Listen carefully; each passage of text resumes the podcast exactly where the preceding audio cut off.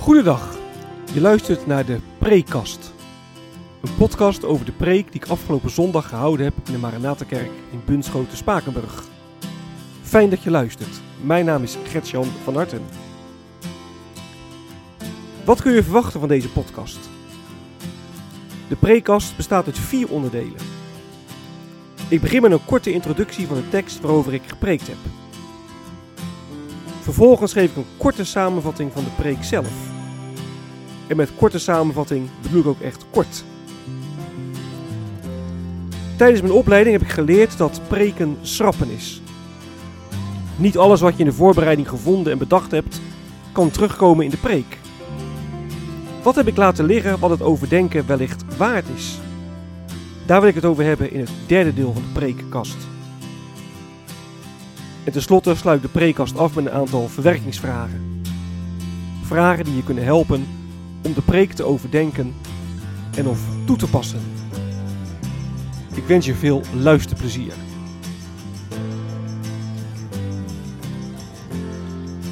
De tekst.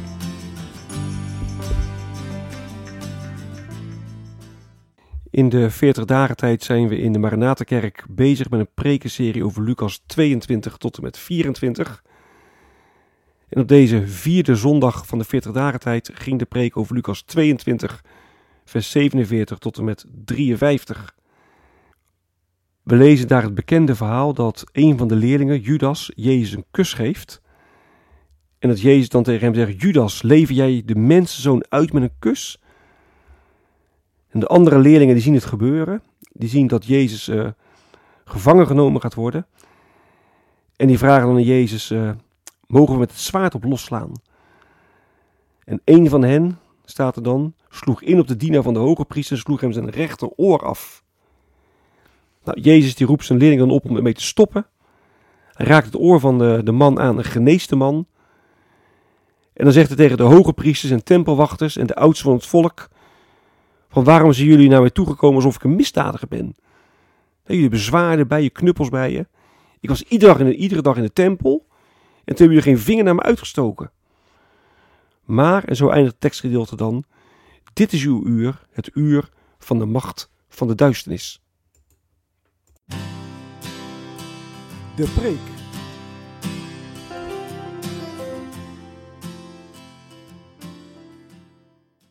Wie oren heeft, die horen. Dat was het thema van de preek. Stel dat je een hele attente man hebt. Je krijgt regelmatig een bosje bloemen van hem. En van tijd tot tijd neemt hij je mee voor een romantisch etentje. Maar dan blijkt hij ondertussen ook een relatie heeft met een andere vrouw. Nou, dat is natuurlijk ontzettend pijnlijk. Nou, ergens is Judas ook zo'n man. In de hof van Gethsemane geeft hij Jezus een kus. En dat lijkt een, een warme, vriendschappelijke begroeting. Maar dat is niet wat het lijkt. Want Judas geeft Jezus een kus om hem te verraden. Een kus zodat de tempelwachters kunnen zien wie ze gevangen moeten nemen. Nou, ontzettend pijnlijk voor Jezus, verraden door een vriend ja, met wie hij drie jaar lang intensief was opgetrokken. De andere leerlingen zien het gebeuren. Ze zien dat ze Jezus gevangen willen nemen. En dan vragen ze aan Jezus of ze hem met geweld zullen verdedigen. En ook dat is echt ontzettend pijnlijk voor Jezus. Want Jezus had keer op keer gezegd dat hij moest lijden. En ook de profeten hadden het al gezegd. Denk bijvoorbeeld in Jezaja 53. Dus de leerlingen hadden het kunnen weten vanuit de profeten. Ze hadden het gehoord uit de mond van Jezus. Maar ze waren horende doof geweest. En ze wilden niet aan dat Jezus in de weg van het lijden voor redding zou zorgen. Ze zaten op een hele andere verlosser te wachten. Op iemand die het verzet tegen de Romeinen zou leiden. Ze zaten te wachten op iemand die, die zou zorgen voor politiek herstel voor Israël. Ze zaten niet op een, op een leidende verlosser te wachten. Nou, ook wij kunnen heel vaak horende doof zijn. Horende doof zijn omdat wat God ons in zijn woord zegt, ja, niet bevalt. Een heel simpel voorbeeld, hè. Jezus zegt in de Bijbel: verzamel je geen schatten op aarde. Dat horen we. Maar wat kunnen we ondertussen druk bezig zijn ja, met het veiligstellen van onze, onze financiële toekomst? Nou, Petrus die wachtte het antwoord van Jezus niet af en die sloeg het oor van de dienaar van de hoge priester eraf. En dan lezen we dat Jezus de dienaar geneest door het oor aan te raken. En zo machtig is Jezus. Maar die macht die gebruikt hij dus niet om zichzelf te redden. Nee, Jezus gebruikte zijn macht om anderen te helpen. Zelfs hen die hem gevangen kwamen nemen.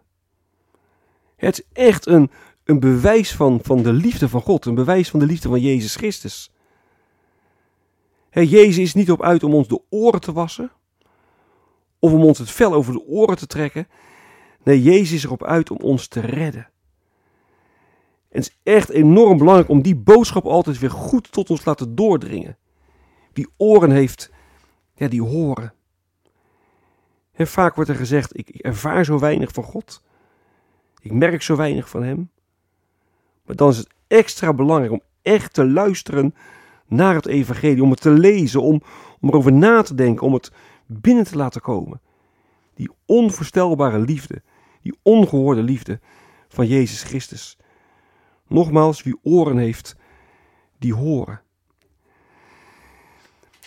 Dit is het uur van de macht van de duisternis, zegt Jezus aan het slot van het tekstgedeelte. En als je over de duisternis hebt, dan heb je het over het werkterrein van, van Satan. In Gethsemane, toen Jezus gevangen genomen werd, toen werd de macht van Gods grote tegenstander zichtbaar. Het is om stil van te worden. En na de hemelvaart van Jezus werd de duivel uit de hemel verbannen en op aarde geworpen. En dat kun je lezen in Openbaring 12. En de duivel is druk bezig om mensenlevens kapot te maken. En mensen lijden eronder, ook kinderen van God. En wat kunnen ook christenen het zwaar hebben. Als ze moeten vechten tegen depressies. Als een huwelijk kapot gelopen is. Als er geen contact meer is met de kinderen of kleinkinderen.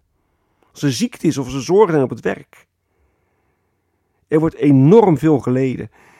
En het is om stil van te worden. En het is ook goed om van tijd tot tijd stil te blijven.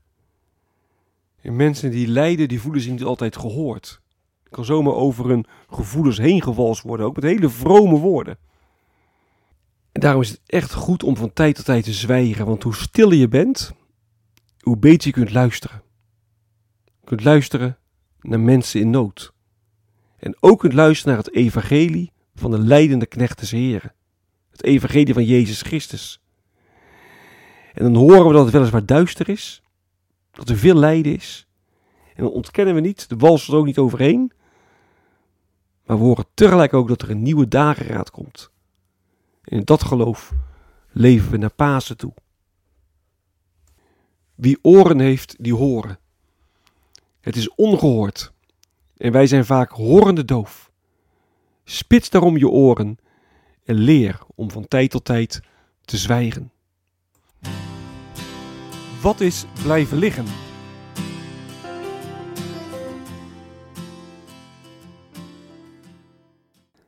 Wie oren heeft, die horen. Ik heb dat in de preek uh, toegepast op horen naar wat God zegt in zijn woord. Op luisteren naar wat de Bijbel zegt. Maar je kunt ook nadenken over de vraag of God ook buiten de Bijbel omspreekt. Hè, via ingevingen in je hart of via, via dromen. Ik ben er in de preek niet op ingegaan, omdat horende doof hier vooral slaat op het feit dat de leerlingen niet goed hadden geluisterd naar wat Jezus verteld had. Jezus had verteld dat hij moest lijden. Hij had gezegd dat hij uh, gevangen genomen zou worden. En daar hadden ze niet goed naar geluisterd. Op dat punt hadden ze dus niet goed ge gehoord. En Jezus verwijst in Lucas 18, hè, een tekst die ik in de preek ook heb aangehaald, naar de profeten. Hij zegt, het stond zwart op wit, de Messias moest lijden. Jullie hadden kunnen weten, jullie waren op dat punt horende doof.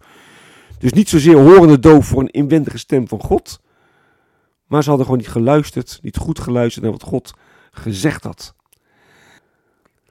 Bovendien is de vraag hoe moet je luisteren naar de stem van God buiten de Bijbel om meer een vraag die wordt opgeroepen door het thema. Ja, wie oren heeft, die horen, dan door uh, de tekst zelf. Ik wil er wel iets over zeggen. Ik wil eerlijk zeggen dat ik zelf erg huiverig ben voor uh, stemmen uh, van God buiten de Bijbel om. Op de dag dat ik deze uh, podcast maakte, stond er toevallig een artikel in het Nederlands Dagblad. Dus op uh, 25 maart 2022 heb ik deze podcast gemaakt. Stond een artikel in het Nederlands Dagblad. En stond dat onder leiding van Alan Scott, een toonaangevende Vineyard gemeente, uit de eigen kerkgemeenschap is gestapt in Amerika. En er staat, erbij dat Alan Scott dan zegt: Wij weten niet waarom we dit doen, maar God vraagt het van ons. In het artikel staat ook dat het nationaal bestuur van de Vineyard-beweging echt verbijsterd is en zeggen: Ja, dit is geen gehoorzaamheid aan God, dit is gewoon een, een grove machtsgreep. Nou, ik ken te veel voorbeelden van mensen die zich beriepen op een inwendige stem van God, waarna ze menen te moeten luisteren. Maar het is niet te toetsen. Het kan uh, enorm geestelijk manipulerend zijn. Dus ik ben er wel erg huiverig voor. Tegelijk besef ik natuurlijk ook wel dat goed gebruik misbruik niet opheft. Maar ik zie hier wel heel veel uh, gevaarlijke kanten. Het tweede waar ik de aandacht voor vraag is voor vers 48. Daar staat dat Jezus tegen Judas zegt: Leef je de mensenzoon uit met een kus. Het gaat me nu even over die titel mensenzoon. Die kun je ook uitwerken wat, wat dat betekent. Het is een verwijzing naar Daniel 7. Daniel 7 vers 14 om precies te zijn. En daar staat aan de mensenzoon macht, eer en koningschap wordt verleend. Judas die, die verraadde Jezus. Hij geloofde niet dat Jezus nog de kroon zou dragen. Hij geloofde niet dat Jezus de beloofde Messias was. Maar Jezus herinnert, hem hier, uh, herinnert Judas hier eraan dat hij wel degelijk de mensenzoon is. En er is ook een, waarschuwing in van Judas, je, je verraadt mij, maar weet je wel wie je verraadt? En tenslotte wil ik aandacht vragen voor het slot van het tekstgedeelte, vers 53, waarin Jezus spreekt over het uur van de macht van de duisternis. Die duisternis, ik heb daar wel het een en ander over gezegd aan het slot van de preek. Maar ik kan natuurlijk veel en veel meer over vertellen, over de duisternis.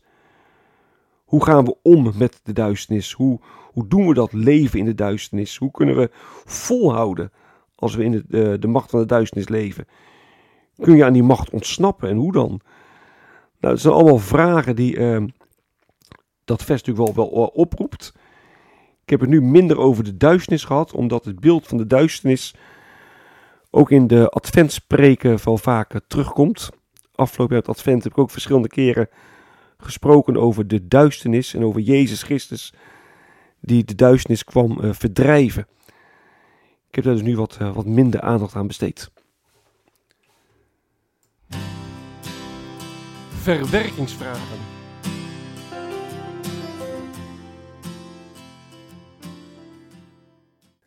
De eerste vraag die ik wil stellen is: wat zou Judas nu bewogen hebben om Jezus te verraden?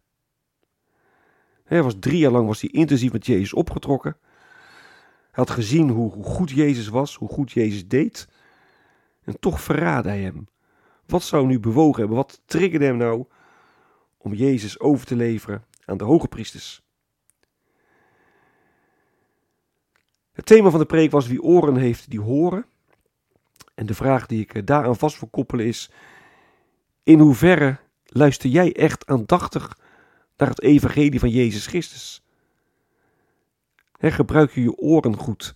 Leg je je oor echt te luisteren bij ja, wat God in zijn woord tot ons zegt? Ik heb in de preek gezegd dat wij uh, vaak horende doof zijn. Ik heb er ook een aantal voorbeelden bij genoemd. Hè, bijvoorbeeld het, uh, het, voorbeeld dat Jezus zegt: verzamel je geen schatten op aarde. Terwijl wij dat, hè, dat horen we, dat weten we. Toch zijn we er heel vaak wel mee bezig. Nou herken je dat, dat wij inderdaad vaak horende doof zijn. De laatste vraag is: zie je Jezus als de leidende en gekruisigde Heer? Of als de opgestane Heer?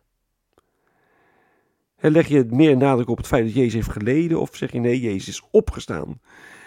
En wat betekent dat dan voor je omgang ook met het lijden? Met hoe je omgaat met mensen die in nood verkeren, of hoe je omgaat met je, met je eigen lijden?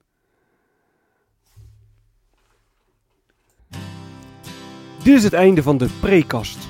Mocht je vragen of opmerkingen hebben, dan kun je me mailen op mailadres van hartengretjan.gmail.com van hartengretjan.gmail.com Ik wens je nog een hele prettige dag. Hartelijk dank voor het luisteren.